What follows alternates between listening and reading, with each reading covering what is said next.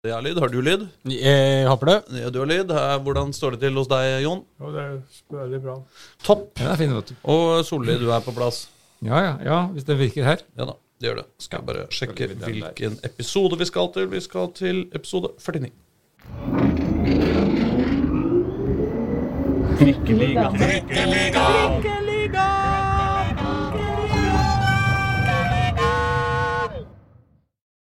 Mine damer og herrer og andre, velkommen til Trikkeligaen sesong 4, episode 49 er det blitt. Jeg heter Aslak Borgersrud. Eh, sammen med meg har jeg Håkon Thon og Reidar Solli. God dag, god dag. Og vi skal da altså til Havarikommisjonens del tre.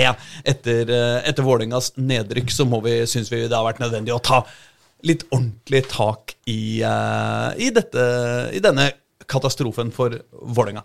Eh, for dere som overhodet ikke bryr dere om Vålerenga, som vi jo veit at det er en del av, eh, og som eh, vi er veldig glad i, så, så kan dere hoppe over denne episoden også. Men da kommer det noe snacks seinere i uka, eller i hvert fall kanskje neste uke. Eh, Vi veit ikke helt når vi publiserer henne, men det kommer snart snacks, forresten. Vi skal kåre årets alt mulig greier. Og vi skal se på oppsettet for 2024, og vi skal grave oss ned i alle mulige ligaer og alle mulige lag. Skal vi ikke det, Håkon? Jo, det blir bra. Ja, Men i dag eh, så skal vi se eh, Kanskje Sjøl om det er litt havarikommisjon, så er det å se litt framover også. For vi har nemlig deg som gjest, Jon Nordbrekken. Velkommen hit. Takk for det. Så bra at du er her. Du er jo uh, valgkomiteens leder i Vålerenga. Det stemmer. Og dermed så betyr det at du plutselig har fått litt å drive med den siste tida. Ja da. Det var eh, eh, Vi har jo avholdt et ekstraordinært årsmøte allerede. Eh, Og vi ser jo nå at det har vært en hendelse som eh, har eh, røsket litt opp i ting, og, og hele styret har stilt sine plasser til disposisjon. Og, og da har jo vi som valgkomité eh, ganske fritt spillerom om hvordan vi skal legge kabalen. Eh, Men det, det er en side av saken at det er kanskje litt mindre aktuelt å være i styret i, en klubb som har rykket ned, enn, eh, og som skal eh, jobbe hardt for å ta seg opp igjen, eh, kontra å være, komme inn på inn i en klubb som er etablert i, i toppen, så ja, Er det sånn? Ja, at du folk liksom Nei, ja, men Obos-klubb, liksom. Det gidder jeg ikke å sitte i styret i. Det er tøft, altså. Det, det er tøft og det er tøffe tak som må til, fordi eh, Vi snakket med Tor Olav Trym på lørdag, og eh, jeg tror nok at sånn fotballmessig så må vi være bedre i sesongen som kommer, enn den sesongen vi har bak oss, Mm. for å kunne rykke rett opp. Hvorfor snakker du med han? høre hva han, eh, hvilke synspunkter han har eh, på hva som skjer. og Han er jo på en måte garantisten og har, har økonomiske avtalen med, med Vålerenga fotball elite, og, og finansierer jo dette her, her. Så det er jo greit å høre hva han, eh, hva han har av synspunkter også, syns jeg. Så vi hadde en lang og god samtale, og det var veldig nyttig, vil jeg si. Mm. Hvordan, det, var- det, det, er jo ikke, han her, men eh, hva fikk du ut av den samtalen? Utover? Nei, han, han Jeg kjenner jo Tor Olav godt fra før. Mm. Og han øh, kom jo inn øh, i den tiden Jon Fredriksen kom inn. Det var i min tid, når jeg var formann. Som mm. Fredriksen, og vi etablerte det aksjeselskapet på slutten av 90-tallet. Og så Trøm tok jo over etter Fredriksen. Eh, Det, var vel, det var vel et år eller to etter at jeg gikk ut i 99. Mm. Men hvordan, eh, bare for å begynne, gå rett på, på sak, da. Du skal finne Hvor mange mennesker er det du skal finne til dette styret? Eller hvor mange er det som sitter i det? Ja, det, det er, eh, det er eh, syv stykker. Sju stykker. Ja. Hvordan, hva er det du ser etter? Det som er veldig viktig i alle styresammenhenger, er at du finner komplementærende kompetanse og ferdigheter. Altså, du kan ikke ha eks, bare eks-fotballspillere eller eh, advokater eller økonomer. Du må ha litt av hvert. Eh, og, og det er jo også slik at eh, det skal være en like vekt på kjønn i, i styret. Mm. Så ja, så det, det vil bli noe som vi vil eh, sette veldig fokus på. Eh, og eh, vi har vel eh, allerede begynte å tenke på hvordan, eh, hvordan det var, for å si det sånn. Men vi må, vi må heller ikke miste kontinuiteten. Eh, det er en kontinuitet som sitter i styret i dag, og det finnes en stor kompetanse også hos de som sitter her. Eh, så det er å finne, finne en ny balanse i styret. Men hvordan er det liksom eh, hva, hva slags ting Altså, trenger du businessfolk? Trenger du folk med eh, bakgrunn, hjerte i klubben? Trenger du liksom eh, folk med en plan for hva man skal gjøre med Vålinga? Eller liksom hvordan Ja, da sier jeg ja takk til alt. Si, det er jo det vi trenger.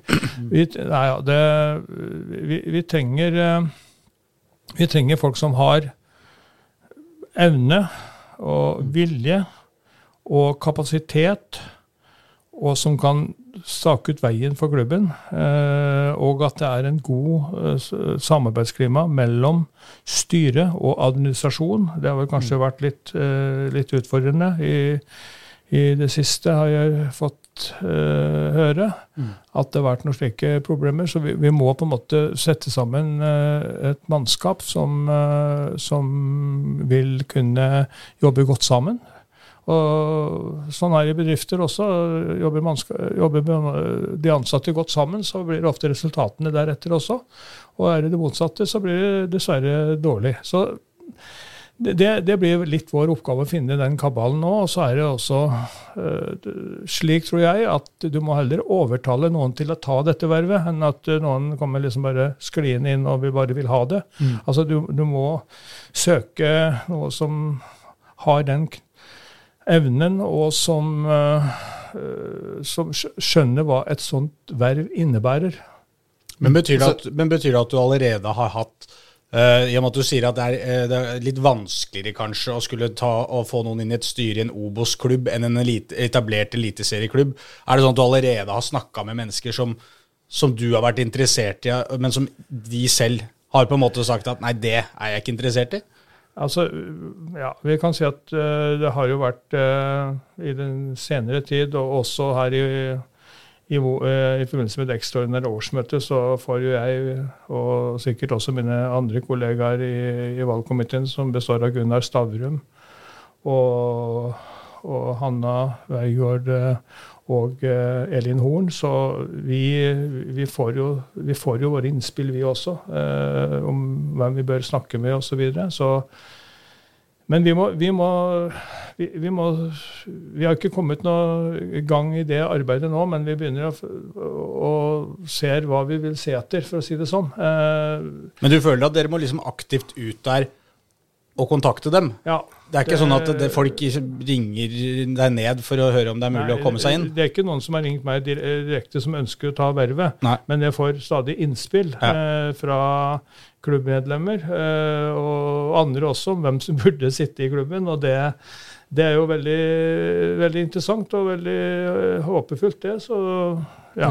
Jeg vil tro det er ganske sprikende forslag du får inn.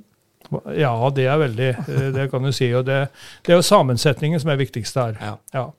Men det som er bra nå, da, eh, føler jeg, er at eh, det, er gjort, det er tatt noen grep eh, rundt organisatoriske i klubben. med CM som kommer inn. Er jo, han er jo en meget rutinert mann som har gjort en strålende jobb i Vålerenga tidligere og lykkes. Og vi har, vi har Graff som kommer inn som har, kommet inn som daglig leder, og så Ålbu som på markedssiden. Så det, det, det, det, det syns jeg at vi får eh, At man har fått et nytt lederteam der nå, det er jo svært bra. Så det, er viktig å understreke at, at disse styremedlemmene de har stilt plassene til disposisjon, men de har ikke trukket seg. Det er, ikke- det er jo ikke det det betyr. Nei, det betyr jo at, eh, det betyr at de overlater det litt til oss. Ja, og, og, og til medlemmene. Som skal, det er ikke, vi skal bare innstille, vi. Ja. Det er medlemmene som eh, beslutter dette her, og det blir sikkert et eh, godt besøkt medlemsmøte når vi kommer og, eh, på andre siden eh, her. Og så, så ja, vi, vi, vi forsøker å få medlemsmøte, årsmøte, eh, avlagt så fort som råd er, og det blir da i, i månedsskiftet februar-mars. Ja, det er flott at du du var jo ikke tiltenkt noe dette vervet her da du stilte på årsmøtet i, i, i, vår, hvor det var uh, en helt annen valgkomité som var i arbeid, og så plutselig forsvant den og ble kasta, og så ble du plutselig foreslått. Hvordan ja, opplevde du det? Nei, det var jo Vi fikk jo ikke noe betenkningstid. Det var jo Det var valgkomiteen som satt den gangen. De ble jo rett og slett eh, avsatt. Eh, og man må jo ha en valgkomité, så man så vel på den som hadde kanskje litt tung bakgrunn fra klubben. Og, og det var jo Viggo Johansen som eh, foreslo oss. Og, og, det Vi sa jo ja til det. Vi kjenner jo klubben godt. Vi kjenner menneskene i klubben. Jeg er jo selv medlem i Aldermannsligaen, og jeg vanker jo i, i visse miljøer uh, rundt Vålerenga. Gamle spillere og ledere. og Så jeg har en ganske god innsikt i Vålerenga fotballklubb. Selv om jeg har vært bortreist og vært utflytta noen år, så, så, så, har jeg jo et forhold til klubben. Jeg har vært der på noen kamper i år også. Men Var det tilfeldig at du var på det årsmøtet? Eller? Ja, det var høyst tilfeldig. For det, jeg hadde ikke vært på et årsmøte i Vålerenga på uh, siden 2001, tenker jeg. 2002-2003. Ja, nesten 20 år. Ja. Så hvis du ikke hadde møtt opp, så hadde du heller ikke blitt valgt i den valgkampen? Det er helt sikkert. Hvorfor dro du plutselig nå? Eller da, da? Nei, jeg, jeg, det, det, jeg fikk bare lyst til å gå på årsmøtet. Savna det? Ja, ja det, jeg vet ikke. Jeg dro den iallfall på årsmøtet. Og jeg har litt kontakt med Viggo og med Svein Larsen. Så vi snakker litt om, om Vålerenga. Så så, så var vel kanskje vi tre som var enige om at vi skulle møte på årsmøtet og høre hva som skjedde der oppe. Det ble jo interessant, da. Det var en interessant kveld. Ja, absolutt. absolutt. Jeg tror det var fire timers årsmøte. Det, det, er ikke bra vet du, at det skal være sånn. At, eh, at det blir så mye mye støy og konflikt. Det er veldig konfliktfylt. Mm. Eh, det, det, det, er det som er skade, skader klubben veldig, mener jeg. At uh, alle de konfliktene som oppstår nå og da, det er til, ikke til det beste for Vålerenga fotball. Men er det ikke på en måte også altså Jeg har, på, jeg har ikke vært på så mye årsmøter i klubben, men uh, i, jeg har vært i mange sånne uh, litt sånn uh, de, bare delvis fungerende demokratier, på en måte.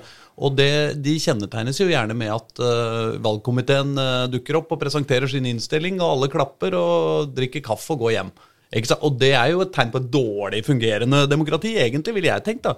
Eh, så det er jo noe bra med at møtene er litt eh, At det er litt haraball også, er det ikke det? Ja da. Det, det, det, det, er jo spørsmål hvordan eh, fremførelsen er, og, mm. og hvordan tonen er. Altså, er jo, man er jo best tjent med en saklig debatt, syns jeg, da, mm. som er til det, til det beste for klubben. og og det er klart at I det tilfellet her, eh, siste årsmøte, så var det jo foreslått en kandidat som ikke var valgbar. Og mm. Det i seg selv er jo og Man skal motivere årsmøtet til å utsette valget eh, til denne eh, kandidaten var valgbar. Og det, slike ting, det, det høver seg dårlig. Mm. Mm. Ja, det var det Jørgen Javan, for det har vært mye oppmerksomhet rundt ja, han òg. Det var jo han, ja. tidligere, tidligere VIF-spiller, selvfølgelig. Mm. Men jeg lurer på, når du eh, nå jobber med å sette ned et, eh, et styre i klubben, ja. så er jo Vålerenga organisert gjennom en sånn dualmodell, ikke sant? hvor du har klubben og AS-et på en måte på hver sin side, som representerer børsen og katedralen eller uh, sporten og penga eller et eller annet sånt, på hver sin side. Og, og, skal vel også på en eller annen måte representere to maktsentra, ikke sant, som står Uh, åpenbart samarbeide, men også kanskje stå litt i motstrid til hverandre, eller? Nei, jeg syns ikke det burde være sånn. Jeg synes at dette er jo en uh, Det er klart at i dette tilfellet uh, så har jo Trøm sittet nå som eier av dette aksjeselskapet og hatt den avtalen mm. lenge. Mm. Og den ble jo reforhandlet i 2017, har jeg fått vite, og jeg har jo sett avtalen. Mm. og Den gjelder i ti år. Og uh, det har jo vært veldig mye kritikk til den avtalen, uh, hvordan den er formulert og, og, hvordan den er klappet inn. Mm. Men uh, det var faktisk et årsmøtevedtak som god, et årsmøte som godkjente avtalen. Mm. Og, Men det var eh, neppe et sånn firetimersmøte? Nei, eh, men det, det, det, det, man må ta ansvar for sine handlinger, er det noe som heter. Og det, det Man har inngått en sånn avtale. Og, og ja, Man kan mene sikkert mye om det, men eh, husk på at Tor Olav han, eh, han legger voldsomt mye penger ned i, i denne virksomheten. her. Mm. Det er veldig veldig synd at man får så lite ut av det, og det må jo plage han også. At uh, det, det resulterer Det gir, ingen, det gir svake resultater nå med nedrykk. Etter uh, I fjor så hadde jo, hadde jo klubben et underskudd på var det ca. 40 millioner. Mm. Altså driften, går jo, driften av klubben går jo med betydelig underskudd i så- sånn størrelsesorden 30-40 millioner kroner. Altså driften, driftsinntekter og driftskostnader. Mm. Det er i misharmoni, for å si det sånn. Og da kompenseres det på to måter. Enten gjennom spillersalg, som kompenserer for eh, å, å tette hullene. Mm. Eh, skråstrek eh, tilførsel av penger fra eh, Magni-Sport, som er eierselskapet til Trøim. Du har, jo- du har jo spissekompetanse på å håndtere gjeld. Ja. Hvis man, eh, hvis man jeg gikk gjennom bildene på Scanpix, på hva som foreligger der. Noe av det ferskeste var når du satt på en pressekonferanse med Jon Arne Riise og hadde fått han ut av den økonomiske knipa. Mm. Men hvordan, altså den kunnskapen du har da, om, om gjeld og de problemer det skaper, når du ser hvordan ja, et underskudd på 43 millioner, det skjærer vel litt i hjertet ditt òg? Ja, det, det, det, det er klart at dette her kan, Sånn kan det ikke fortsette. Mm. Altså, det, det, en, det som er, jeg, jeg sier det bare én ting. En klubb er det er et evighetsperspektiv. Vi som tillitsvalgte og, og, og, og de som har verv, eh, ymse slag, og tilskuere og supportere og hva det nå enn er, de har en de har, de har tilstedeværelse en del av livet sitt. Men klubben er jo 110 år. Og den skal bli 100, øh, den skal, den, skal, den skal kunne eksistere i minst 110 år til. Det er en evighetsmaskin. Og derfor så tror jeg at man øh, etter hvert må begynne å se på revideringen. Hvordan skal klubben se ut i tiden fremover? Altså etter din og min og vår tid. altså Hvordan skal, hvordan skal klubben se ut? Og det blir et ganske interessant tema, for det tror jeg har vært altfor lite. Eh, av eh, slike perspektiver. Man, man jobber liksom fra hånd til munn hele tiden. Og det, det er ikke noe særlig lykksomt. Så jeg tror at det må kanskje bli satt ned nå et utvalg som ser på hvordan klubbens eksistens skal se ut fremover. Hvordan klubben skal både styres og eies, og om det skal være investorer, eller om det skal være sånn som i Lyn, hvor det er eh, hundretalls av medlemmer som har betalt inn ca. 10 millioner kroner, og som eier 49 av hva det nå er. altså En sånn duellmodell med mange investorer. altså det, det, det er sånt som, Jeg har ikke en oppskriften på det. Jeg har mine synspunkter, ja. Men, men, eh, men eh, jeg tror at det vil være lurt nå å begynne å se på en revidering av hvordan klubben skal se ut fremover. Og det kan avstedkomme med at man må, man må sette eh, tæring etter næring. eh, Og, og, og det, blir, en, eh, det blir en utfordrende oppgave, for nå har det vært litt lett om at eh, at pengene har kommet fra et investormiljø. Og i de siste 20 åra så er det vel Tor Olav Trøim og hans selskaper som har eh, finansiert dette her. Mm. Eh, opp- og nedturer. Så det er, jeg tror kanskje at man skal begynne å se, se litt på hvordan klubben skal se ut framover. At alle må åpne litt øynene for det. Eh, for vi, det er jo hyggelig at eh, våre barnebarn og, og, og kan, har et forhold til klubben som vi igjen, forfedrene, hadde et forhold til og hadde et verv i osv. Så, så, så jeg tror at den debatten må begynne å komme opp, og vi diskuterer, diskuterer det med de, nettopp det med, med flere i, i, i klubbmiljøet. Om hvordan eh, dette bør tas hånd om. Ja, for de, de lange linjene som du har opplevd, er jo egentlig bare økonomiske problemer. Det var jo det var slik du kom inn, eh, Ja. som jeg skjønte. Ja, det stemmer. 95. 94-95. Ja. Så bare plutselig ramla det ut et underskudd som du plutselig måtte håndtere. det var det var helt, helt grusomt. Det var, jeg fikk jo 30 dager på meg til å sammen med mine kollegaer. og Det var 106 kreditorer, 7 millioner i gjeld den gangen. Og vi måtte ha avtale krav fra NFF, eh, avtale med alle kreditorene, og vi måtte finansiere dette der. Uh, så det, der gikk vi, vi, vi, hadde liksom Etter den 29. dagen så hadde vi liksom fått til avtalestrukturen. Og, og jeg må også berømme en som var svært viktig den gangen. Det var Leon Bodd, advokat mm. Leon Bodd, som hadde også et veldig nært og godt forhold til Vålerenga. Sammen med den entusiasmen som var hos klanen og et folkeaksjeselskap den gangen for å, for, å, for å, få dette på plass. Og det, det, var en krevende oppgave. Og dette, Nå er vi i 1995, tenker ja, jeg. Hvordan, hvem, hvordan, hvem, var det som hanka deg inn dette der? Hvem som, hvem var det som fikk tauet deg inn i det var, eh, det var, faktisk eh, noen av de gutta som spilte i Strømmen. Jeg var formann der tidligere. Ja. Eh, Tore Krokstad, Espen Haug, eh, som da hadde gått til Vålerenga det var brakkebandet som eh, ansatte deg? Uh, ja, det var ikke brakkebandet den gangen. Men det, det kom, det kom brakkebandet ble etablert i 97, hvis jeg husker erindrer feil. Nei, men det var i hvert fall de som tipset meg, for jeg har jo en kompetanse på dette med gjeld og, og gjeldsstrukturer og, og, slike ting. Og så mm. bakgrunn fra fotballen. Mm. Så det var vel den kombien der som førte meg inn i klubben. Mm. det Krokstad skal ha litt æren. Ja. Ja, ja, ja. Han, han, var pådriver. Han ringte meg jeg tror det var i, rett før julaften, ja. I 94. Ja, ok.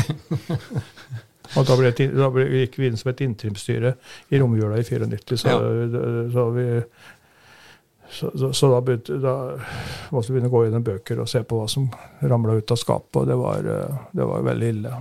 Ja. Vi andre ville jo blitt litt nervøse hvis en to meter høy politimann ringte rett før jul. Og ja.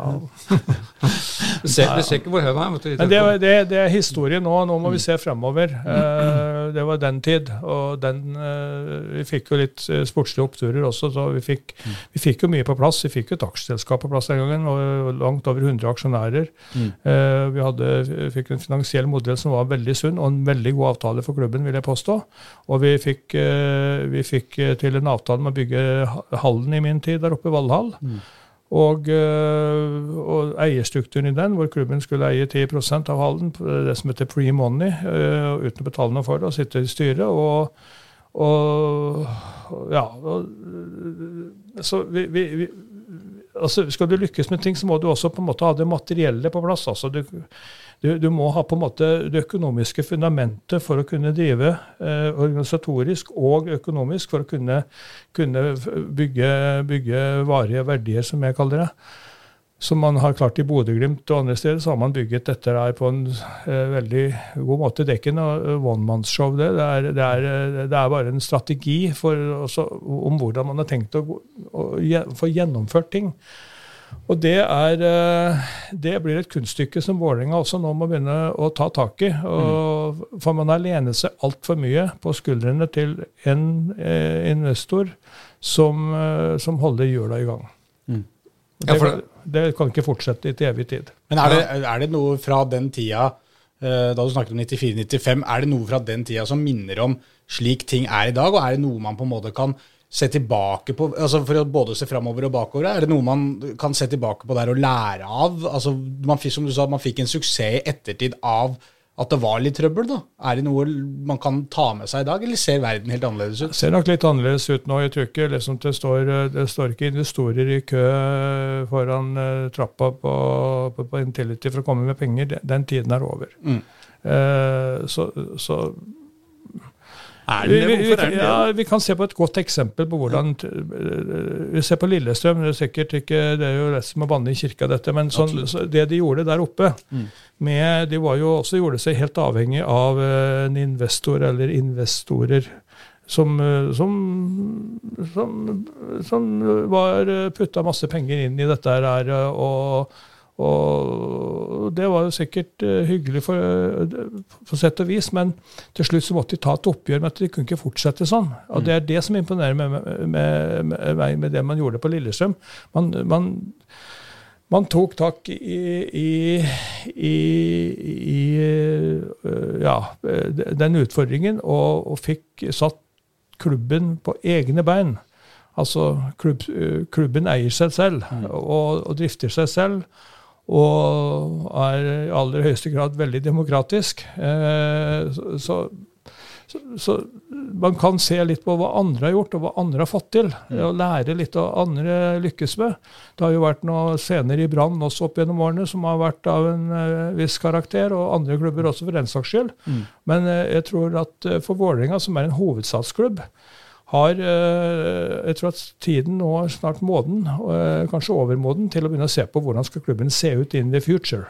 Mm. Men da tenker du, hvis du eh, Jeg skjønner det på en måte ikke er eh, ditt konkrete oppdrag nå som eh, valgkomitéleder, men, men hvis, du skulle, hvis, du skulle, peke ut en, en, retning som du kunne ha tro på, da, bare, sånn, bare sånn mellom oss og noen tusen lyttere Eller som supporter, da, på en måte, og ikke som leder av en valgkomité. Altså, er, det, er det en klubbstyrt, uh, klubbeid uh, klubb du ser for deg, eller er det en uh, Medlemseid, mener du? Med, ja, ja, med, eller noe sånt? Eller altså, du sier tæring etter næring. Betyr det at du mener mener klubben bør sørge for å være helt uavhengig av investorer, og ikke være eid? Men ikke uavhengig, så det, det, Man kan ikke fortsette med å tape 40 millioner på driften hvert år. Det går ikke. Mm. Altså Det sier seg helt selv det, det, det, går, eh, det kan gå i dette tilfellet hvor du har en eier som putter inn penger og dekker underskudd, men det, det kan ikke fortsette. Så, så, Derfor må man revidere hele systemet og se på hvordan skal klubben se ut framover. Mm. Det må være en utfordring. og Da er det greit å ha en god allianse med, med mennesker i denne byen her som bryr seg om Vålerenga, som, som, kan gi litt sånn eh, vil, Gi milde gaver, som det så pent heter, eh, til å, å være med å gi uh, si, støtte opp, opp om klubben, så at klubben også oppnår suksess uten at man er bundet til noen avtalestrukturer. Mm. Altså På Lillestrøm for eksempel, så har det vært spleiselag mm. når man henta spillere. Eh, ja, som folk gir noen tusen kroner eller hundretusener. Og, og så man, man, har gjort sånne grep som det uten, helt uforpliktende. Men spillersalg eh, det, er jo en del, det har jo ikke endra seg så mye siden den gang. Det var jo viktig da, og det er viktig nå. Ja. Vi må, må bare ta, ta, med den historien om da du var vel du og Jarl Lars Kjernås vel, som fikk tak i Jon Carew ja, fra, fra, fra Lørenskog. Ja. Hvor, hvor, mye det, det, da genererte inn til klubben i løpet av et år? Ja, det var en god avkastning for Vålerenga. Det er jo sånn, det er jo sånn lykkeskudd som skjer ja. en gang i, kan skje nå og da. Men uh, men det er jo klart at hans, hans bidrag til klubben er 50 millioner kroner i, i, ja, i, hans karriere. Det var jo noen overganger også etter at han var i Vålerenga som, som, gjorde at det kom eh, gjennom, gjennom disse modellene at, eh, at si, eh, både Lørenskog og Vålerenga fikk eh, penger sånn i dann og vann. Det var stadig klubbskifter, og det er jo veldig lykksomt mm. hvis en spiller skifter klubb ofte. For da vil jo en del av overgangssummen gå tilbake igjen til moderklubbene. Mm. Og for Lørenskog har jo dette vært helt fantastisk også, ikke bare Vålerenga. Ja, for, ja. det vel en, var det ikke 1 million? 1,3 eh, var kjøpeskillingen. Og så, så kåla vi inn eh, midt i sesongen fordi eh, jeg tror det var Kåsa som ble skadet. Ja, så vi henta han, og for det så betalte vi vel 375 000 kroner. i og det ble jo umiddelbar suksess i 97. Eh, han var jo ikke fullt eh, 18 år, han var 17 mm. år. Så det var jo et, det var jo et lykke, lykketreff. Men eh, det var litt, litt sånn eh, tur for meg, for jeg, var, jeg bodde jo på Fjellhamar den gangen. Jeg kjente jo Jon eh, Carew siden han var 8-9 år. Og vi har en sønn som er like gammel, så de spilte mot hverandre i aldersbestemte. Min sønn spilte i Strømmen, og Jon Carew spilte i Lørenskog, så de møtte hverandre. Så man så jo at dette var noe helt ekstraordinært. Man, ja, riktig. Ja. Dette var før, før speidernes tid, så du, du, du, du, var en tidlig speider. Ja, altså det, jeg hadde et veldig nært og godt forhold til Joar Hoff, som var treneren hans. Jeg tror det hjalp litt også. Ja, ok. Ja.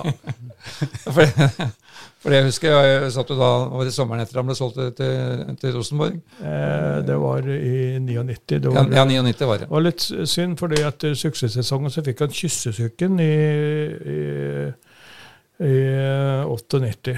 Eh, og var ut, satt ut en del, del av sesongen. Ja, jeg bare, bare husker en liten morsom digresjon. Det var, det var Øystein Strauss Pedalene som satt i noen forhandlinger med, med Rosenborg. Jeg ringte han på sommeren der. Da satt han på hytta si utafor Sandefjord.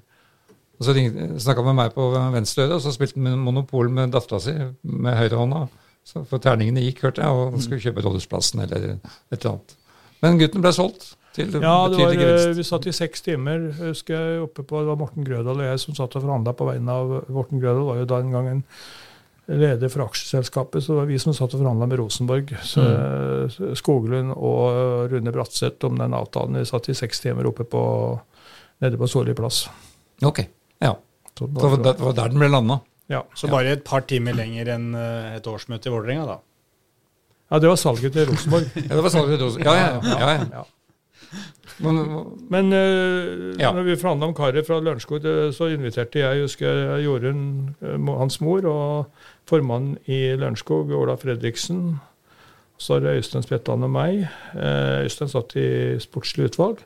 Og da hadde vi invitert ham på middag på Helsfyr Hotel, og da, vi, da var vi enige om avtalen den, den, eh, under den middagen. Og vi skrev avtalen, for Jon var ikke fylt 18 år, så vi skrev den på natta.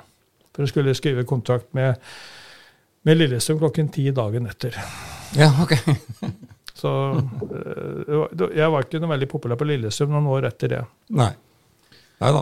Men da må jeg bare eh, blande inn et eh, lytterspørsmål. Ja. Apropos Lillestrøm. Ja. Eh, en som heter Magnus Are, Ja. eh, spør har du sett lyset, eller er du fortsatt LSK-sponsor?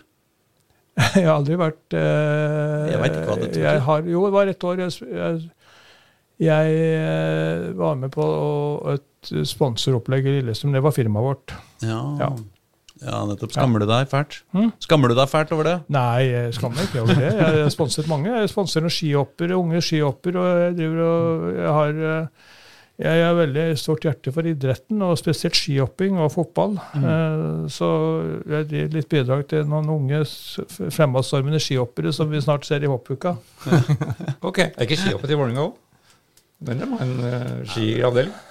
Det heter ikke, heter ikke Ski- og fotballklubben Vålerenga. Det- Nei, det gjør det ikke, ass. Jeg si at Det var veldig moro for meg å være i Vikesund i vinter og se denne unggutten som jeg sponser, som er eh, eh, Han heter Rikard Selbekk Hansen. Jeg bor Mm. på Fåberg. Eh, Jeg kjenner foreldre med hytte på Røros like ved siden av der jeg kommer fra. Og han landa på 232 meter. Det var, det var en uh, helt utrolig opplevelse. Den Lille skjælingen. Ja, ja. Ja, altså Bekymringa er jo først hvis det samme skjer med en Lillestrøm-spiller på en måte, ikke sant, som knuser Vålerenga eller eh, i et eller annet oppgjør. Nei. Nei, altså jeg har bodd på, jeg har bodd på Romerike, eh, og jeg var formann i Strømmen. Og jeg, er jo, jeg var jo mye på Åråsen jeg i den tiden jeg bodde her på 70-tallet, og sånn, så jeg har, ikke noe sånn, eh, jeg har egentlig ikke noe hatforhold til noen andre klubber. Jeg har et ganske pragmatisk forhold eh, til, eh, til, til sporten. Så Ja. Ja, jeg- Du kjente deg igjen da Geir Bakke kom og sa at han hadde hjertet litt her og der? Geir Bakke spilte i Strømmen, jeg var formann der. Mm. Og jeg solgte Geir Bakke til Kongsvinger for 150 000. Jeg minner stadig på det. og det var i 92. Ja. Så han var veldig god. Han han var veldig god øh, venstrerytter. øh, veldig god teknisk. Og han, øh, han var en veldig bra spiller. Sindig da også? Mm. Var han sindig da også? Ja, ja. Veldig interessant. Eh, På disse turene vi var på, så var det mye diskusjoner med Erik Karlsen, som var trener. og Jeg tror de lærte mye, eh, disse gutta. Både Petter Myhre og Geir lærte veldig mye av Erik Karlsen i, på alle disse turene.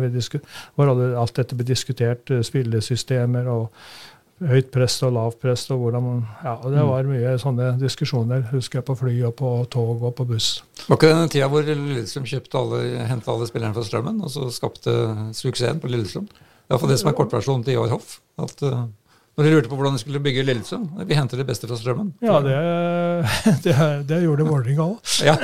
Så ja. ja, var- Vi skal ikke snakke så mye om LSK. Knut Aga òg. Knut Aga, ja. Var en veldig god spiller. Ikke sant? Ja. Folk, Men du satte spisser som heter, nei, Fotballspillere som heter Aga, er ganske gode ofte. Ja. Men du sa til meg da vi snakka litt på telefonen, at du, da du var formann på slutten av 90-tallet, så var det litt enklere. Sånn Ja, det, var, det, som er, det som er litt, litt Kan vi si litt eh, Det nye sånn klubbsystemet i Vålerenga er nå, så er det jo både breddeklubb og det er eh, Damene har jo svingt seg veldig opp og spiller i eliten og er på, er på toppnivå. Og, og vi har eh, Så skilte man ut eh, elite herrer eh, til Vålerenga fotball elite. Og alle disse har jo forskjellige ledelser. eh, og eh, sine egne styrer. Så, så så, så, der, så, hele klubben ser annerledes ut. I min tid, så var det, når jeg var leder, så var jeg leder for hele virksomheten, for å si det sånn. Mm. Eh, både på godt og vondt. Og, det blir litt sånn at, eh, at det blir litt sånn bortsmuldret. Eh, og så har du et aksjeselskap som har sitt styre igjen, og så er det en kombinasjon av et styre bestående av aksjeselskapets representanter og elitestyrets representanter. Mm. Så det begynner å bli mange styrer, mange komiteer og, og, og mange ledd å, som, som, skal ta hånd om dette her. Og jeg er nok litt mer sånn rake pukker at jeg liker at, at uh, et, styresystem, et system som styrer hele greia, det tror jeg er uh, det, det, det, enkleste. Men uh, nå har man valgt å gå den retningen der. Men vi skal ikke se bort fra at man kanskje på et senere tidspunkt velger å gå tilbake sånn som det var. At man har et klubbstyre som sorterer, eller at man har ulike det vi kaller business units, altså at, har, at man har forskjellige avdelinger med sånne komitéavdelinger. eller sånn, Det kan være. Men, eh, mm. det, men det, blir en, det blir en altomslukende diskusjon og strategi som klubben må meisle ut for eh, fremtiden. Altså mm. hvordan skal klubben se ut om 50 år? Uh, I et langt perspektiv. Hvordan strukturen skal være. Vil du oppfordre at den diskusjonen kommer så fort som mulig? Ja, Den bør iallfall komme. Ja. Eh, fordi eh, avtalen med Vaken i sport den utløper i 2028. Og, og, man må begynne, nå etter hvert begynne å se på hvordan skal klubben eh, skjøtes også etter det. Mm. Og gjerne før. Han Magnus Are som stilte det litt flåsete spørsmålet om LSK, han har også et litt kanskje mer seriøst et. Hvilken investormodell syns du er best av Trøim sin i VIF eller Røkke sin i Molde?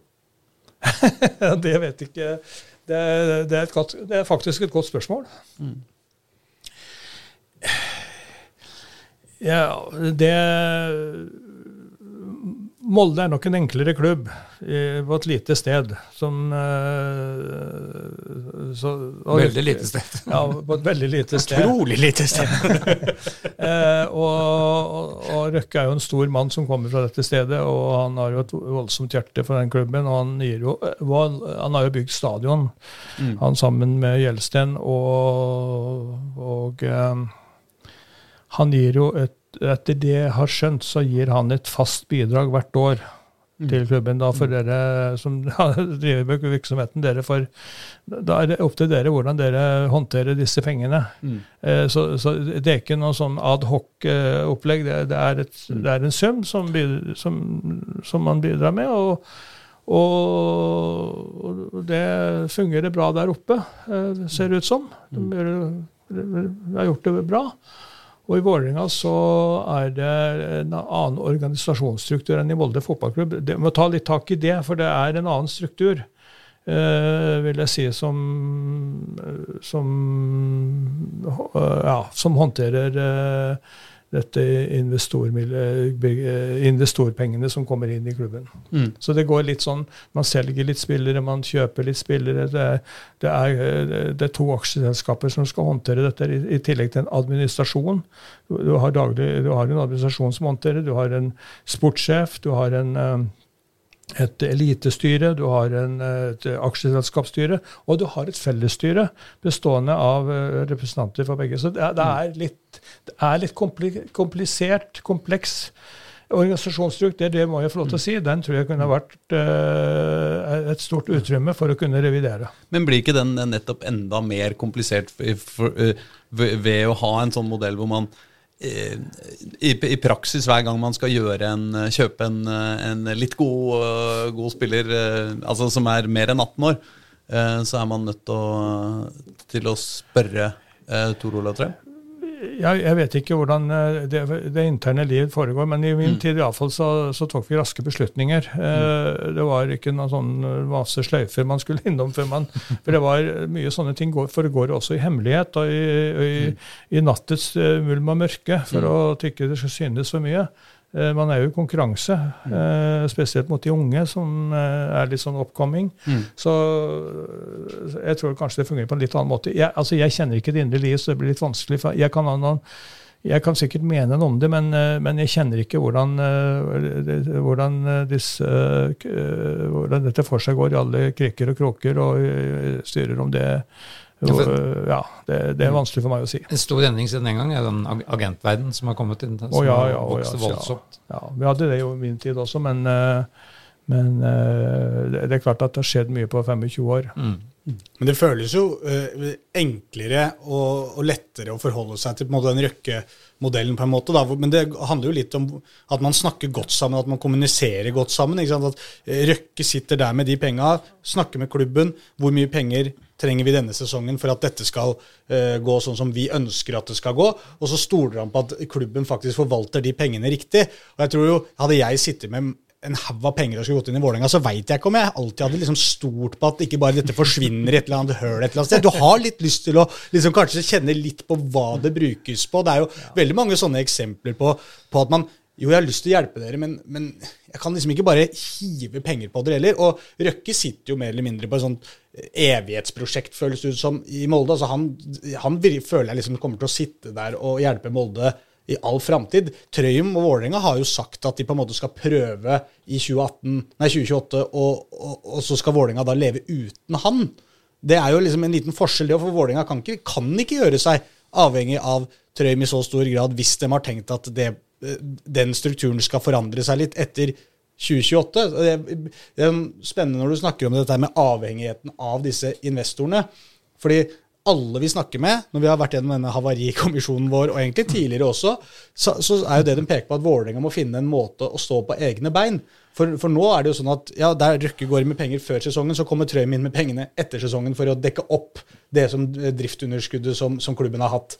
Men det virker som at alle på en måte vil det samme.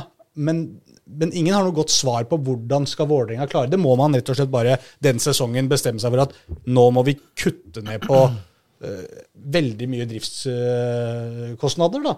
Er det så enkelt at vi må, vi må, stille kanskje med et dårlig lag, eller kutte ned på administrasjon, eller for at man ikke skal gå da i 40 millioner etter trim? Ja, det var, eh, det var, en eh, ganske interessant analyse, det der. Det er Jeg tror nok ikke Jeg kan svare på det første. Jeg tror nok Røkke har klare synspunkter om, øh, om klubbdriften. Ja. Det, det, er jeg, det, er jeg helt sikker på at den har. Ja, men, de, men de kommuniserer jo sammen, føler jeg. liksom. Altså, De kommer ja, fram til men han, øh, Jeg tror ikke en, Kjell Inge Røkken er mindre krevende enn Tor Olav Trøim, eller tvert imot. Øh, så, så, men nå har det tilfeldigvis gått veldig bra der oppe. Og da er det klart at da blir det lite støy. Ja. Eh, i så måte. Eh, og det er ingen tvil om at Røkke gir veldig mye eh, bidrag til Vålerenga. Det samme som Trømøy også fanger opp. Så, så jeg, jeg, jeg, kan ikke ta en sammenligning, men, men jeg ser at Røkke bare kaste penger fra seg. For at øh, hvis, ja, Jeg tror iallfall han kommer til å heve røsten og, være tydelig hvis, hvis, man begynner å havne nedi der som vi har hatt nå i noen år. Så, han har sikkert vært i noen garderober og brusa litt? Han, det, det, det, kjenner vi godt til at han har vært, ja. Mye mer enn Trøim.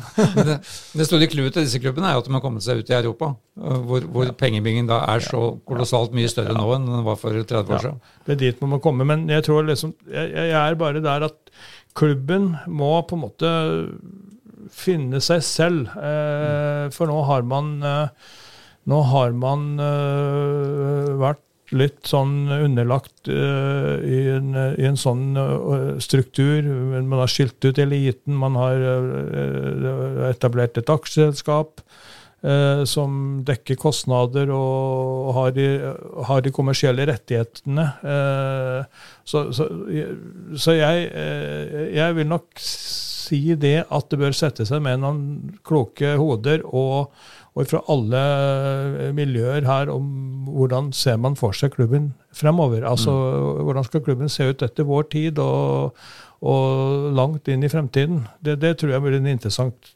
diskusjon å være med på. For den hvis man blir invitert. Det er en litt paradoksal situasjon da, hvor altså, herrelaget rykker ned, som er den store økonomiske, eller var, var store økonomiske lokomotivet, altså, hvor det er størst interesse rundt. Mens damelaget da blir eh, seriemester ja. og taper cupfinalen, men spiller uten hovedsponsor på drakta si. Det er helt utrolig. Så mm, det er ikke enkelt der heller. Nei, Det er nesten ikke til å tro. Nei. Og så mange TV-kamper. Men nå er det vel kanskje fare for at det blir litt færre TV-kamper, for TV2 har jo tatt noe betydelig Eller eller ta noe betydelig kostnadskutt. Så vi har hørt noen forlydender om at det kanskje vil gå utover sendingsflaten for damefotballen, men eh, det gjenstår å se. Ok. Ja. Det er ukjent for oss så langt. Vi har en mann i TV 2 her. Vi skal ikke dekke Har dame, med damekamper? Nei, det, det har jeg ikke ikke, men det er iallfall det jeg har hørt. Det vet jeg ikke. Ja, ok. Ja, NRK har Nei, vi må, vi må Jeg tror at det er liksom litt tid for å ta en liten revisjon. ja. Men hva skjer fremover? Ja, du har kanskje noen flere spørsmål først? Å, jeg har mange. Ja, du har mange. Hvor lenge skal vi holde på? Ja, nei, vi skal ikke, men, men jeg, jeg, fordi det er jo mye kritiske stemmer til eh, Tor Olav eh, og Trøim sin, eh, sin tilstedeværelse og makt i Vålerenga. Men du er ikke blant dem. Nei, jeg er nok Jeg tror jeg kanskje evner å se litt, litt fra flere sider. Ikke noen forkleinelse for de som har kritiske røster. Det, er jo, det, det må man jo leve med. Men eh, det, det er klart at eh, når du har en som på en måte har påtatt seg de forpliktelsene, så, så blir det litt lett for å bli litt kanskje litt mer, eh, litt, litt mer uforsiktig i pengebruken. I, ja, det er ikke noe, kanskje så hard styring på økonomi, hva vet jeg. Det er klart at Når driften går med underskudd på 40 millioner kroner altså Hvis, hvis klubben ikke har stått på egne men og gått med underskudd på 40 millioner kroner, så har klubben vært konk. Altså, det er, da, da går det over ende som i 95, når vi tok over. Så, så det går ikke. Og da da må man altså ha en eh, kostnadsside som harmonerer med inntektssiden. altså rett og slett. Eh, Jeg tror at eh, det blir en krevende øvelse, for det krever veldig mye av de som skal administrere og lede dette, og de som sitter i styret også. Men de tror at det, byen er full av mennesker som er veldig glad i Vålerenga, og, og også fra næringslivet. Og så er det også oppmuntret til en litt sånn ordentlig sånn Nå skal vi virkelig nå skal vi virkelig ta oss skikkelig i nakken, og nå skal vi få dette laget vårt opp i eliten igjen og, og, og hevde seg litt, og, og kanskje gjøre gjøre sånn som man gjorde på Lillestrøm, for det, det syns jeg er imponerende. altså. Mm. De, de kutta ut dette maksselskap, de fjernet seg fra det. Mm. Klubben tok tilbake styringa og, og, og selv, og har fått det relativt bra til, må man kunne si. Oppi alt dette der, og det er flinke folk som sitter, veldig flinke folk som sitter i ledelsen i Lillestrøm sportsklubb, Mm. i styret der, og som er klubbvalgte alle sammen. Så ja, så det ligger, det ligger noe der. eh, jeg syns kanskje det er litt, litt brutalt å være sur og forbannet på Tor Olav, for det, han har jo det er lite oppmuntrende for han ellers å å si, dekke de enorme underskuddene og bare få kjeft. Det, det tror jeg alle sammen skjønner. At det er, eh, det er ikke noe godt eh, noe, gir noe godt bidrag til uh, fortsettelsen. Så, så, så, så man prøver å balansere det på en klok måte. Mm, altså, du, du kan ikke, Det som Guttorm Hansen sa, den gamle politikeren, det nytter ikke å slå på skåka når han mener merra. Og det er litt sånn her, altså. Det- Altså, det, det å slå på skåka, det er det, det er som henger på må ikke det komme ja. sånne bygdeuttrykk her. Nei, men du kan gå i leksikon og finne ut av det. Skåka. Ja, Det er det som, eh, som drar eh, det er det som drar sleden, og som henger på hesten, på ryggen på hesten. Å ja. Dette er ikke din, dette er ikke din verden. Nei, nei, nei, det, dette ble tungt, altså. Men Ja, jeg skal prøve å sette Du har sikkert sett noen traveløp, og de slår ikke på det, det som, er, eh, som henger eh, etter resten. Men, men bare litt tilbake til underskuddet. Som, for vi snakka med Erik Espeseth om det. Eh, men det klubben liksom kalte det, var et planlagt underskudd. Ja. ved, å si at de kunne solgt spillere, da, hvis de, hvis de måtte unngått og, hvis de måtte gått i, i balanse. Ja, der, og da nå berører du det egentlige problemet, fordi eh, man kan jo spørre seg hvordan har det villet gått i år hvis man ikke har solgt spillere. Hvis man ikke har solgt eh, Laioni og jeg husker ikke navnet på alle sammen, han Tiago Holm, og det er flere som har eh, på en måte blitt meislet ut. Altså har man da har man da ville vært i Eliteserien, kanskje. Mm. Og, og at nedrykk koster jo mye. Det er det, det, er det ingen tvil om. Eh, at vi snakker om uh, uh, ja, det, det, har jo, det har jo lagt fram av konsekvensen av et nedrykk koster, men jeg, jeg tror det koster litt mer. Jeg tror at hvis du- du- de har noen regulatorer, eh, faktorer i, i lønnsbudsjett osv., men eh, Et sted mellom 20 og 30, tenker jeg. Det ligger. Koster et Ja, nedrykk. Og det, Og, det, og det som er greia, det er det at hvis de ikke klarer å rykke opp første året, og klarer å skape en entusiasmen som skal til nå, for å begynne å vinne litt fotballkamper igjen og være i toppen og, og, og er på vei liksom litt tilbake Hvis de ikke klarer det, da blir det tungt, altså. Det kan jeg si med en gang. Sesong to i Obos, den, er, den er vanskelig er- å skaffe den er investorer til. Den er brutal, for da har lufta gått ut av mange. ja. ja. så, eh, Stabæk er jo en av, en, blir jo en av hovedkonkurrentene neste år. Og så er de forlenger med Bob Bradley, som skal, Ja, som skal trene laget neste år. han er veldig flink. Ja. Så, Men, eh, men det, altså det, det, det som jeg tror er viktig nå, det er at, man, at klubben samler seg. At alle sammen går i samme retning. At nå skal vi få klubben tilbake igjen. Det er viktig. Det er det viktigste, å få klubben tilbake igjen. Interne konflikter og, og skittkasting og slike ting, det hører ikke hjemme for kommende sesong i noen leirer. Nå, nå, må vi, eh, nå må alle sammen reise seg opp. Nå står vi sammen, nå går vi sammen, og nå rykker vi opp sammen. Nå, eh, altså, det må være innstillingen når vi går inn i det nye året nå. Ellers så, så er konsekvensene mye verre. Er ikke det uh, nettopp uh, uh, maktas filosofi? Altså, den som leder, den som styrer, vil alltid mane til ro. Ikke sant? Så de kan styre i fred. Mens eh, de som ah, Men avmakta eh, kan jo ikke leve med ro og fred, for da får de jo aldri, blir jo de aldri hørt. Men jeg synes at nå, skal vi, nå synes jeg alle sammen skal gå inn med høy grad av entusiasme og være gode ambassadører, støttespillere, eh, og få folk til å komme på kampene. Og, og, og, og, at alle sammen drar og, skittkasting til hverandre og på hverandre osv. Det, det hører ikke hjemme nå. Nå, eh, nå ligger vi nede. Nå må vi reise oss opp sammen. Og vi må gå sammen, og vi må kjempe sammen. For å, og, når vi nærmer oss høsten, så er vi på vei opp igjen tilbake til Eliteserien. Og da har vi, eh, da har vi gjort en, eh, en ordentlig god prestasjon. Og det, det må være mitt budskap til alle som, eller de som hører på, om eh, at eh, nå, nå, nå, nå nå gir vi gjerne alle sammen for at eh, dette skal bli en suksesssesong som vi hadde i 97, som var en eventyrlig sesong. At vi får en eh, reprise av den. De hadde ikke gjort, eh, de hadde ikke gjort noen ting. Vi hadde 13 000-15 000 på Bislett den gangen også. Og, og vi kan, så det er gode muligheter. Hvorfor skal vi ikke ha bare snakke en times tid om den 97-sesongen nå? For det er, det er min favorittsesong i verden. Men det var, det, det var Men det, det, det, Vi må prøve å løfte sammen nå, altså. Eh, vi må ikke ha årsmøter med, med høy grad av skittkasting. Det er greit å komme med glade tilrop om hvordan ting skal være, og, men det må være positivt. Altså, man må, hvis ikke har noe annet enn å kritisere, og, eh, så syns jeg du skal holde kjeft.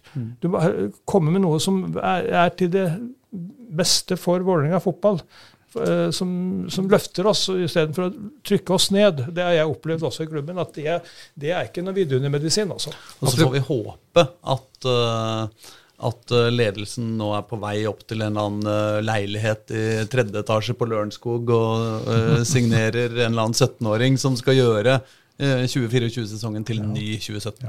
Vi ser jo, bare se i byen her, altså, så mange gode fotballspillere som eh, Jeg blir, jeg blir helt eh, jeg blir lamslått. liksom på en måte Alle de der gutta fra Kjelsås som er oppe i Tromsø, og det er eh, fra Holmlia, Akkor Adams fra Holmlia som eh, solgt for 50 millioner fra Lillesund. Det blir Vi må begynne, vi må begynne å se Kan ikke begynne å se litt rundt oss i byen her, da? Se på spillere her. Ja, Koffa, Koffa gjorde jo det. Ja, altså ser åssen det har gått. Altså, Du trenger ikke reise Selvfølgelig så må du ha noen innslag utenfra også, men det, det er jo så ufattelig mye å ta i. Og, og da må vi ha noen talentspeidere som flyr og ser på disse juniorkampene og andredivisjonskamper, og som følger litt med. Altså øh, sitte på et kontor og høre om. Du, du, må ut, du må ut i felten og følge med. Det tror jeg er øh, Du må ha sånne, som, sånne speidere som klarer å og fange opp uh, det, det som er enormt potensial. Altså bare en par mils omkrets fra Valle, kanskje ikke så mye heller, kanskje bare en 7-80 km. så Oscar Bob, Oscar Bob burde vært i Vålerenga. Absolutt. Men det var, Han var, han var vel innom, var han ikke? Han var, var han ikke? var det? Vet ikke, han, er det ikke, Han- han var det ikke Lyn, da? Han gikk vel til Kjevle tidlig ut. så han gikk vel ut han, som eh, Joshua King var jo innom en Jeg har, en, jeg, har eh, en, har en nabo jeg oppe i Pillestedet park. eh, Eh, Joshua King han var jo så vidt innom han også. Ja, ikke sant? Ja. Ja. Ah, dere, er- dere møtes over morgenkaffen og løser kryssord ja, sammen han ser deg litt lite, du. Han er i Tyrkia. Ja, det er riktig det. Bob var i Vålerenga 17 til 19. Ja. Oh, ja, det var Det sånn. var, Han var det. Ja, han var nok det. Ja. Ja, Apropos 97, jeg må bare avslutte den. For da, da, vi hadde jo Vidar Davidsen her, som han har jo vært gjest i samme studio. Ja. Her for, det begynner faktisk å bli et par år siden. Ja, Han er jo en ressurs som jeg syns klubben har Absolutt. utnytta altfor lite. da. absolutt. Han, Hvorfor skal, eh, jeg først skal spille inn noen navn til denne Ja, da det, vi kjenner mange av de navnene. Det er eh, alle gode innspill, men vi må sette dette sammen. Ja. Mm. Vi, kan ikke ha, vi må ha en eh, tverrfaglig kompetanse, Ja og som orker å dra ting sammen. Så vi skaper litt uh, Ja. Men, Ja. men jeg tror at man har fått på plass en veldig god administrasjon. Det, det har jeg veldig, veldig tro på. Jeg skal også ha et møte med Kjetil Siem i morgen og høre liksom, litt hva han uh, han har å fortelle. Vi må jobbe sammen nå, og det, så vi, for det beste. At vi får det beste teamet. Vi, det, er, det, det, må vi, det skylder vi klubben å gjøre, alle sammen. Mm, mm. Men du snakker med klubbsida òg, ikke bare AS-sida. Nei, eh, det er riktig. Og vi snakker ofte med klubbsida. Senest med Rune Riberg i dag. Ja, det var bare siden du nevnte både Traum og Siem, så det, det, ikke sant? det kunne være du bare lytta til dem. Ja, men det er jo, det er jo fotballstyret du skal sette sammen, ikke AS-styret. Ja, ja, ja, selvsagt, Viktig, selvsagt. viktig presisering. Ja, vi snakker mye med Jeg vanker i, litt i dette miljøet til jeg kom tilbake igjen, så, så jeg har en god connection til uh, klubbsiden. Jeg snakket mye med Tuva i siste også. Ja, men da er vi kanskje Har du noe mer, Reidar? Nei, altså, vi, vi må jo bare få med bakgrunnen din, hvorfor du ble Vålerenga-supporter. Altså, du er fra Trøndelag, og du var i Strømmen, og så er du plutselig skal du le, eh, bruke så mye energi på, på Vålerenga som du har eh, gjort lenge. Hva, hvordan starta det? Ja, jeg startet Vi var øh, Jeg har en onk, hadde en onkel som var veldig Vålerenga-patriot, som var ofte på gården Jeg kommer fra gård litt øst for Røros. Og så og Han snakket veldig mye om Vålerenga og alle de fantastiske spillerne med Bonden og, og Bruno og Hengeren og, og Ja, det var Det var liksom det vi fikk høre øh, i den tiden. Og så var vi på klassetur i Oslo.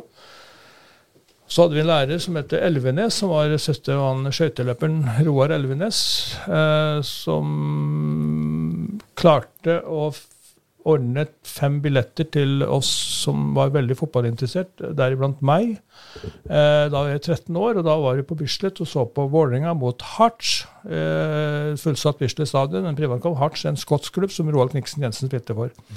Og da, etter det så har eh, Vålerenga vært min klubb. Og da var jeg 13 år. Ja. Selv om vi kommer fra Trøndelag. Savner de der, de der gode, gammeldagse sånn showkampene. Som, Ja. Men jeg var mye på, når jeg flytta til byen her i 1970-71, så, så jeg har vært ufattelig mye på Bislett. Jeg har vært mye på Strømmen, og jeg har vært mye på Åråsen, og jeg har vært mye rundt og sett på fo- fotball. Og, og, og, og fordi fotball og skihopping er min store interesse i, av idrett. Da Bjørn, Vi- Bjørn Wirkola er din mann. Han var trener for oss i tredje divisjon i Brekken, der jeg kom fra. Ja, var det? Hvor, hvor langt har du hoppa? Ja, det, det, Bakken ned. Det var ikke noen store bakker i den tiden, men jeg er vel på ja, det, Nei, det er ikke noe mye å skryte av. Det er så lite å skryte av at uh, vi, var med og konkurrerte. Men uh, 50-60 meter, kanskje. Ja. men Wirkola trente dere i fotball, ikke i hopp, går jeg fra. Wirkola var en fantastisk fotballspiller. Ja, ja, han spilte jo for Rosenborg. Ja, ja, han kom ut til oss etter Rosenborg. eh, Og var Fenval, Fenvald, Fenvald hadde et skuddbein som eh, Svært sjeldent skuddbein. Ok, ja. Som i hardt eller presist? Knallhardt, strak Ja. vist. Og presist, helt, da? helt, helt, eller? helt enormt. Det var nesten ikke folk som turte å stå i mur når han skulle ta frispark utenfor 16-meteren. Sånn var det med Pascal Simpson også, syns jeg. Mm. Sånn var det med Pascal Simpson også. Ja, da, Jeg skal også ta på meg ansvaret for han. Ikke sant, Bra innsatt. Han skada jo en, en mann i muren hver kamp, nesten. det var, det var herlig tid. Det var synd at det, egentlig litt synd med Pascal. Altså, han hadde alt, han. Han hadde absolutt alt. Alle forutsetninger. Og det er så forbasket eh, å tenke på at, eh, at eh, de som har de store talentene, ikke ofrer seg nok for å, å, få, å få realisert det ordentlig. Mm. Han var en livsnyter. Jeg husker forteller en god historie da når Pascal ble skadet. Mm. Så var det slik at uh, samboeren til Pascal jobbet på, på en restaurant som heter Feinschmecker på Majorstua. En jobb som Øystein Spetalen fiksa til uh, kjente restaurantsjefen der. tror jeg det var. Og da bodde Pascal og Sabrina de bodde i leilighet rett ved siden av. Så da Pascal var skada, så gikk han ned på kjøkkenet der og spiste middag hver kveld. Og da går på en gourmetrestaurant hver kveld og spiser middag.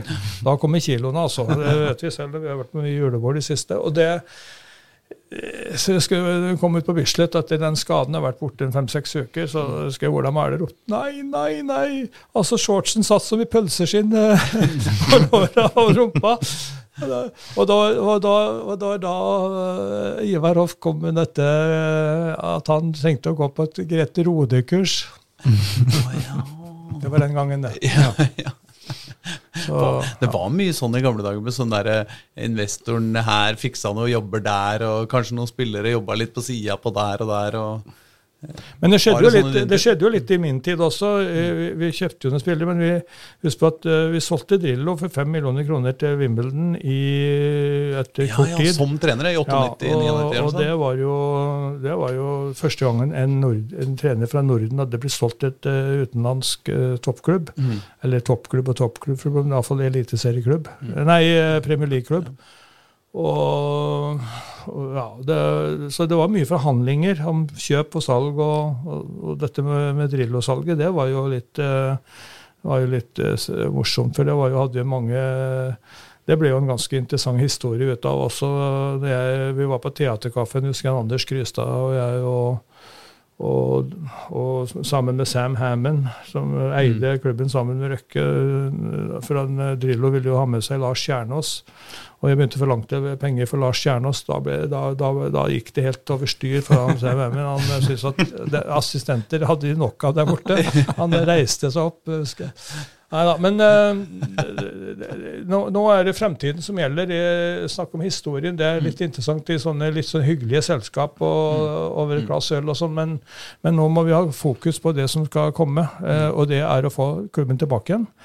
I denne sesongen som kommer. Det må være hovedfokuset.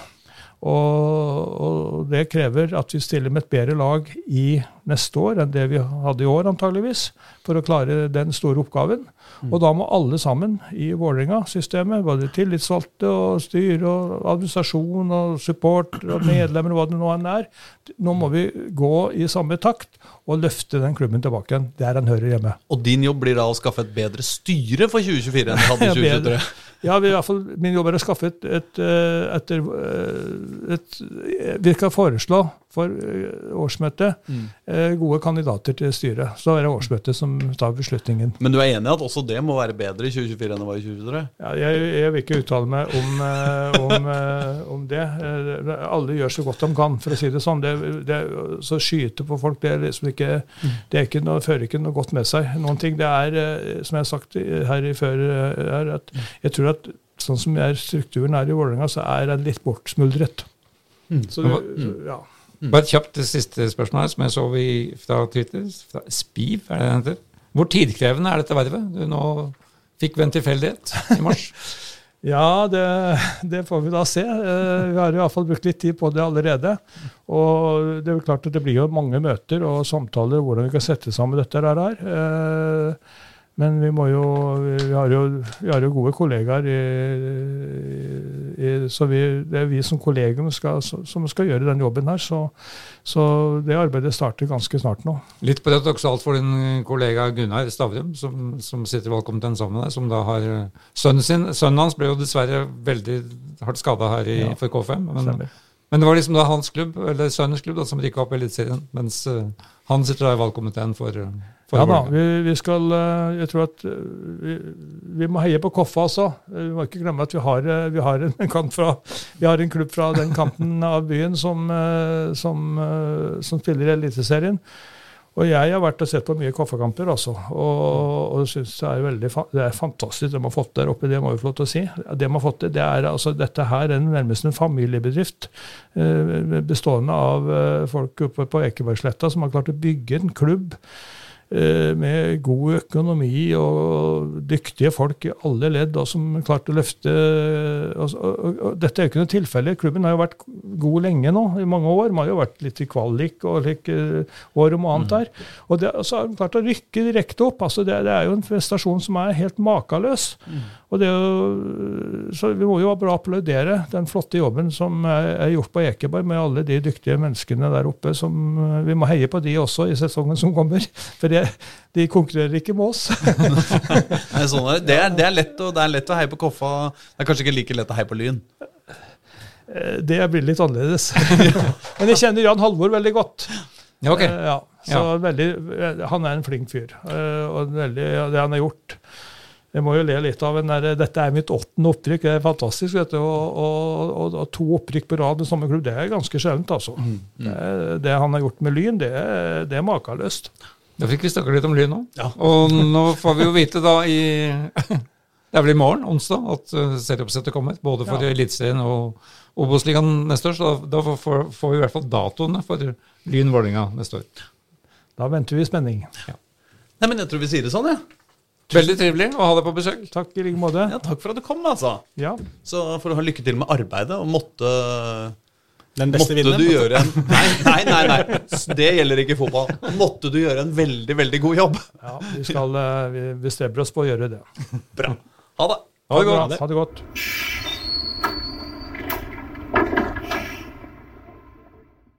Du har hørt en podkast fra Dagsavisen.